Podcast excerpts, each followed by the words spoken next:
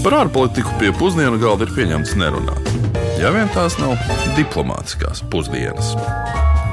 Esiet sveicināti diplomātsko pusdienu klausītāji. Klāta ir kārtējā otrdiena, un ar jums kopā atkal esam mēs, Uģis Lībijams un dr. Kārls Bukovskis no Latvijas ārpolitikas institūta. Šodien mums priekšā stāv ļoti grūts uzdevums, um, proti, stāstīt par valsti, par kuru pēdējo septiņu mēnešu laikā, nu, faktiski laikam, Katrs mēdījis ir runājis gandrīz katru dienu. Un, kā jūs droši vien nopratāt, tad šoreiz stāstīsim par Ukrajinu. Labdien, Ukraina noteikti ir tā valsts, par kuru diezgan daudz ir dzirdējuši un arī sako līdzi notiekošajam karam. Galu galā runa ir par pilnu mērogu karu, tepat netālu starp nu, divām mūsu gandrīz vai faktiski kaimiņu valstīm. Krievijas agresijas eskalācija pret Ukrajinu kopš 2014. gada notikušās Krimas okupācijas un kara aizsākuma nu, ir tikai turpinājums, faktiskais turpinājums Krievijas prezidenta Putina agresīvai iekšpolitikai un ārpolitikai. Nu, neaizmirsīsim ne karu Čečenijā, ne pašmāju cilvēku apspiešanu, arī indēšanu, un arī, protams, 2008. gada uzbrukumu Grūzijai, kā rezultātā valsts šobrīd ir zaudējusi kontroli pār apmēram nu, vienu piekto daļu tās teritorijas. Tu jau pieminēji 2014. gada notikumus Krimā un uh, Ukraiņas austrumos, un jau toreiz neviens komentētājs teica, ka Bija Ukraina pirms 2014. gada un ir Ukraina pēc 2014. gada. Nu, šogad jau mēs varam teikt vēl vairāk, ka arī pēc 2022. gada 24. februāra šī jau atkal ir cita Ukraina. Nu, un tā kā vēl šajās nedēļas nogalē Ukrainā atkal ir eh, risinājušies ļoti nozīmīgi notikumi, jeb tā dēvētie pseido referendumi par atsevišķu uz laiku okupēto teritoriju pievienošanos Krievijai, nu tad ļoti iespējams, ka jau pavisam drīz mums nāksies runāt jau atkal par vēl citādāku Ukrainu, un par to noteikti mēs eh, un arī citi mūsu kolēģi jau runāsim un analizēsim citos raidījumos. Bet pirms mēs ķeramies klāt mūsu šīs dienas pamatēdienam, tad paklausīsimies, ko par Ukrajinu domā mūsu klausītāji. Pirms februāra nebija pārāk daudz asociāciju, jo daudz kas nu, nebija tā aktualitātē, vienkārši liela valsts. Pēc februāra nu, jā, tādas bēdas, sāpes, dusmas, nu, visas tādas lielas un liela cerība, ka cerams, kādā brīdī tas beigsies tuvākajā laikā. Ja mēs atmetam to, kas ir noticis pēdējā pusgadā, es būtu teicis, ka tā ir valsts, kas diezgan noteikti iet Eiropas virzienā. Protams, uzreiz karš, Krievijas agresija, ļoti skaista valsts ar brīnišķīgiem cilvēkiem. Pirmkārt, man ļoti patīk ukrāņu cilvēki. Es tur pati bijusi. Garšīgs ēdiens un saulains. Tur. Man pirmais nāk skumjas, un um, otrs droši vien nāk prātā darba vieta. Jā, tur, kur strādājam, ļoti daudz ukrāņu klientu šobrīd, kur tieši ir um, bēgļu gaitās devušies, un es esmu dzirdējis daudz stāstus. Jā, tāpēc man Ukrāņa šobrīd saistās ar darba vietu. Nu, jā, Ukrainā esmu bijusi ļoti viesmīlīga zeme ļoti, ļoti skaista zeme.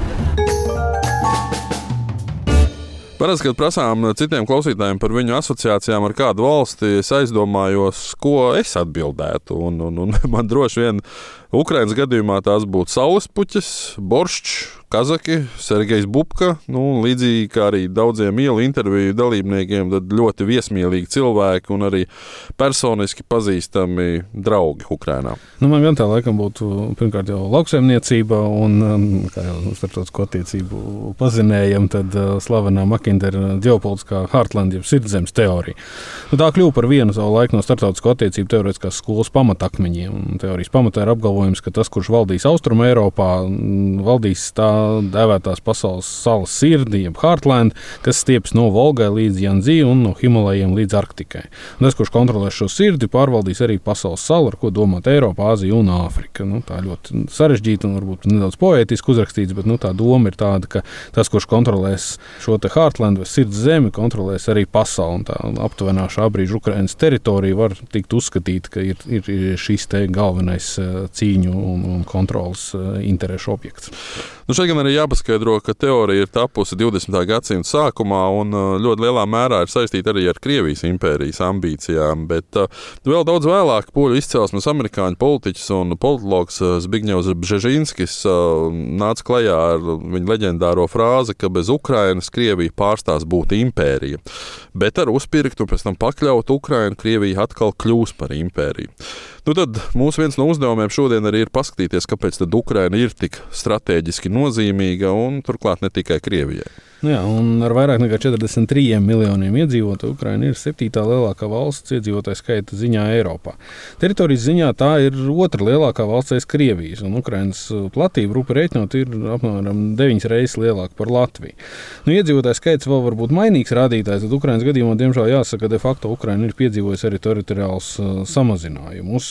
Pēc 14. gada, 2014. gada, Krievija nelikumīgi anektēja Krimas pussalu un nostiprināja sev lojālu pārvaldu okupētajās Doņetskas un Luhanskas apgabalu teritorijās, kur tieši šajās dienās šie balsojumi, ko Uģi jau iepriekš minēja par iekļaušanu Krievijas sastāvā, arī notika. Un, ar diezgan lielu pārliecību varam teikt, ka Krievijas federācija drīz parādīsies, teiksim, tā pašu iedomās, parādīsies jauna apgabala, kurš tāpat startautiski turpinās atzīt par Ukraiņas teritoriju. Faktiski. Nu jā, par uh, spīti šiem dažādiem iekšpolitiskajiem, ekonomiskajiem un ģeopolitiskiem izaicinājumiem, Ukraiņa pēdējo 20 gadu laikā neatlaidīgi ir turpinājusi audzēt savu ekonomiku. Un, uh, pēc neatkarības atgūšanas 90. gada sākumā Ukraiņa pirmo reizi ekonomisko izaugsmu piedzīvoja vien 2000. gadā.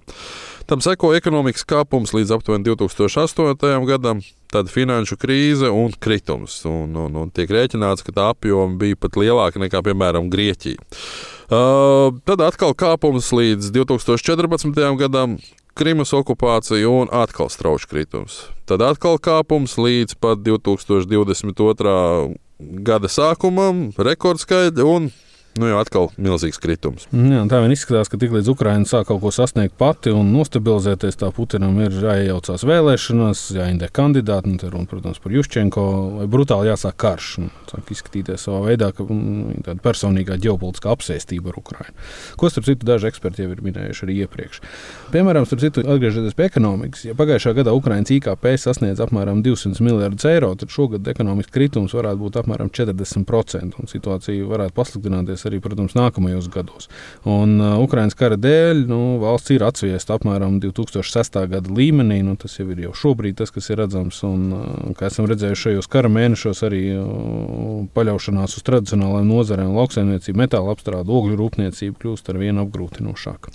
Nu jā, jāsaka, ka aizvien turpinās arī dažādu reformu īstenošana, tostarp tiek pastiprināta cīņa ar korupciju. Un, uh, kā šogad viesojoties Ukrajinā, atzina viens no maniem sarunu biedriem, tad korupciju par galveno problēmu uzskata lielākā daļa Ukrāņu, taču vienlaikus domāšana īsti nav mainījusies. Nu, Kā saka, ja vajadzēs palīdzību man vai manam bērnam, nu gan jau kāds draugs vai paziņa tomēr nu, palīdzēs, protams, par draudzīgu samaksu. Taču nevar teikt, ka Ukraiņas iedzīvotāju domāšana nav mainījusies, jo 2014. gada notikumi lika aizdomāties par to, kādā virzienā Ukraiņa vēlas doties, un Eiroatlantiskais kurs un dalība NATO un Eiropas Savienībā tika nospraukts Ukraiņas konstitūcijā. Pat ja iepriekš jau šīs vēlmes bija tikušas paustas arī Maidana revolūcijas laikā un, un, un arī pirms tam. Nevienam gan, protams, nav līdz galam ilūzija par to, ka šis pievienošanās NATO un Eiropas Savienībai ceļš būs ātrs un viegls, un ceļš jau ņemot vērā šo jauno realitāti un izaicinājums un to, ka tomēr prasības, prasības būs jāizpild. Neviens atlētājs tomēr nedos. Tas arī fakts. Nu, jā, un neskatoties uz to, cik, cik īpašā un dramatiskā situācijā Ukraina šobrīd atrodas. Bet um, ceļš pilnīgi pretējā virzienā no Krievijas, un ar ko pavisam vēl nesen saistījās brāļu tautu saiknes, nu, tas gan jau ir pavisam acīm redzot uz šo brīdi noiets etaps, un vēl vairāk, ja mēs tā paskatāmies par šīm brāļu tautu saiknēm, tad patīsim 15 gadus ap, atpakaļ apmēram, un Ukraina tika uzskatīta par nedraudzīgu valsti arī Latvijai. Nu, Palasiet tā laika pētījums un grāmatas un avīžu rakstus, man neticat.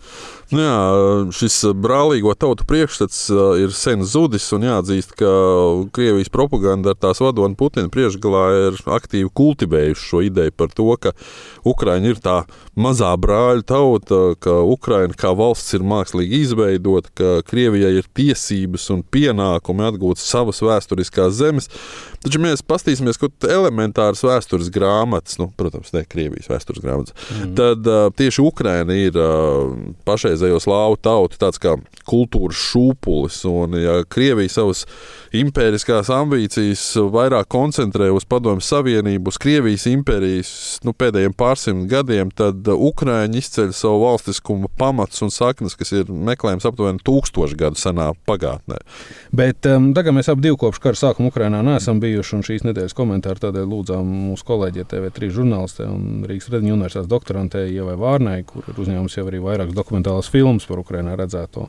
Šoreiz mēs vaicājām, kā tieši viņas prāt ir mainījusies pašu Ukraiņu pašapziņa, izpratne par savu valsts nāciju un kā ir arī mainījusies šī attieksme pret pēdiņās brālīgo tautu.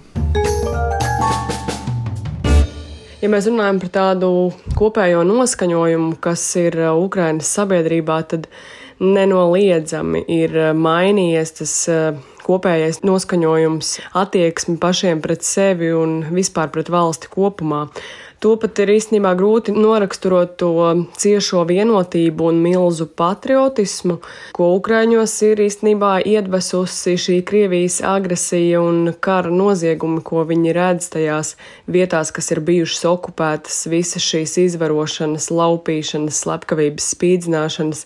Tas tikai tas, ko mēs tiešām redzam arī strādājot tajās atbrīvotajās teritorijās, ka tas vēl vairāk viņus tikai stiprina, stiprina to vēlmi cīnīties, uzveikt un padzīt tos Krievijas okupācijas spēkus no viņu zemes. Un, um, tāda arī ārkārtīgi liela pārliecība un ticība saviem bruņotajiem spēkiem. Un vienlaikus arī viņos pašos, jebkurā mierīgajā iedzīvotājā, dažādos Ukrainas reģionos. Es nerunāju tikai par tādām piefrontes pilsētām, bet principā visā Ukrainā tajos eh, cilvēkos tāds apbrīnojams spēks un apņemšanās stāties pretī un uzveikt eh, nu, Krievijas okupācijas spēkus. Ja salīdzinu to, kā ir bijis eh, citus gadus, kad es esmu strādājusi, tad tas noskaņojums salīdzinot ar to, kā ir tagad, ir kardināli mainījies. Pat tajos reģionos, kas ir Krievijas pierobežā un iepriekš bijuši nu, šķietam visai prokrieviski. Es te runāju konkrēti par Donbasu, par Slovjānska, Kramatorska, visas šīs um, pilsētas, kas atrodas tuvu jau 2014. gadā, nu, Krievijas okupētajiem šiem Donetskas vai Luhanskas apgabala teritorijām, jo šajās piefrontes pilsētās iezīmējas tas, ka arvien vairāk cilvēki saka, ka viņiem ir aizvainojoši, ja sabiedrībā citās valstīs runā, ka Ukraina un Krievija ir brāļu tautas, respektīvi pēc visām šīm zvērībām, ko Krievi ir pastrādājuši Ukrainā būtībā nekas cits kā naids pret Krieviju un visu, kas ar to saistīts, īsti nav naids un tāda nu, izteikta vēlme padzīt šos kara noziedznieku Putina armiju no savas zemes. Un, Izteikti jūtams arī tas, ka cilvēki arvien retāk runā krieviski, pat tajās pilsētās, kuras bijušas iepriekš izteikti krievalodīgas. Un, jā, mums pašiem arī daudz ukraiņu, tostarp arī karavīri, cilvēki, kur nu jau ir kļuvuši par draugiem, nu vai pat te ģimenes locekļiem. Liela daļa ir krievalodīgie ukraiņi, un viņi visi saka, ka, lai gan sarunu valodā joprojām izmanto krievu valodu sirdī un garā, viņi ir ukrāņi, un ukrāņi ir viņa dzimtā valsts un zeme. Un te nav runa par kaut kādiem nacistiem vai vēl nezinu kādu murgu, ko Putins cenšas iepotēt savai nācijai, bet gan par cilvēkiem, kuri ir savas valsts patrioti, gan ukrāņi, gan krievalodīgie ukrāņi, kuri neviens no viņiem nav lūdzis Putinam nākt un viņus atbrīvot. Nu jā, tas īsais rezumējums laikam šoreiz vairāk izskatās pēc daudzpunktes, bet mana personiskā sajūta ir, ka šīs lielās grūtības, kas ir Ukraiņas kārušas pēdējos mēnešos un pēdējos gados, tomēr ir izdarījušas vienu nopietna lieta, ar ko nebija rēķinājies neviens. Ukraina ir nostabilizējusies kā valsts un kā nācija, un ar to nu, jārēķinās būs jebkuram, kurš mēģinās kaut ko ar kādām ambīcijām nākt attiecībā pret Ukrainu. Bet tā, mēs ceram, ka šī būs pozitīva daudzpunkta Ukrainas nākotnē. Lai cik būtu paēdis, vienmēr ir vieta arī desertam. Nu, parasti deserta sadaļā gribas runāt par kaut ko mazāk zināmu, mazāk nopietnu, varbūt arī jautru. Pirmais, kas parasti nāk prātā tieši Ukrāņu sakarā, ir Odeses ebreju humors. Nu, manuprāt, tas ir ļoti izsmalcināts. Un, uh, šeit gan viņš nav pat īpaši nav pat tulkojams, man liekas. Tāpēc arī mēs šajā raidījumā īpaši neiekļausim to. Tāpēc tu to tikai pasaki, nevienu joku nepasaki. Nu, labi. um, taču mazāk zināms ir fakts, ka pašlaik okupētajā Krimas pussalā kopš pagājušā gadsimta gadsimta 20. līdz pat 40. gadiem tika aktīvi izmitināti ebreji, proti tika izsūtīti vietējie Krimas tatāri, bet uh, iesūtīti ebreji ar domu, ka šī teritorija varētu kļūt par nu, tādu kā ebreju apsolīto zemi, ebreju dzimteni. Nu, šo projektu faktiski apmaksāja amerikāņi kopā ar Padomju Savienības līderi Staļinu.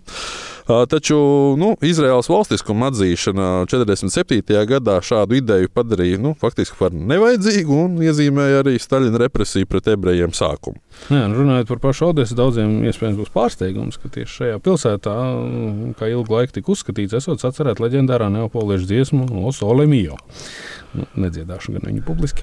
Uh, Eduardo Dikapo to esot atcerējis 1898. gadā, dodoties turnējā kopā ar savu tēvu grupu. Nu, vēlāk gan izrādījās, ka gadu iepriekš Eduardo Dikapo šo melodiju bija nopircis no cita mūziķa, Alfredo Macucci. Un, uh, viņš gan bija šīs dziesmas līdzautors, nu, kā līdzautors gan tika atzīts uh, 1972. gadā jau pēc, pēc, pēc savas nāves. Savukārt man viens no nu, pēdējā brauciena lielākajiem atklājumiem bija stāsts, ko gandrīz varētu saukt, nu, kurš bija pirmais vistu vai oli. Kas ir senāk, Ukraina vai Krievija. Un, nu, un šis tās ir uh, saistīts ar abu valstu valūtu, proti, ar grivnu un rubli. Nu, uh, grivna kā naudas vienība tika izmantota jau 11. gadsimtā Kijavas Krievzemes laikā, un vēlāk tā bija arī dārgmetāla svara mērvienība. Nu, piemēram, Kijavas grivna bija romveida zelta vai sudraba stienas, kas svēra aptuveni 200 gramus. Savukārt vārds rublis ir radies gadus 200 vēlāk, un rublis vārda tiešākajā nozīmē ir no grivnas nocirsts gabals. Nu, krieviski vārds nu, rubiķi un tā tad rubļi. At, atcirsts gabals. Nu jā, nu ar šo ne tikai Ukraiņas, bet visas pasaules finanšu vēstures faktus. Tad šoreiz arī noslēgsim savu raidījumu par Ukrajinu. Noteikti, ka runa, runas par šo valsti vēl būs daudz un daudz un dikti dažādos formātos. Gal galā karš turpinās, un pagaidām, lai cik tas skarbi neliktos, bet cerību uz drīzu konfliktu atrisinājumu arī nav. Nu, vismaz no Krievijas puses izskatās, ka viņi ir absolūti ieinteresēti šo vilkt ilgāk un ilgāk.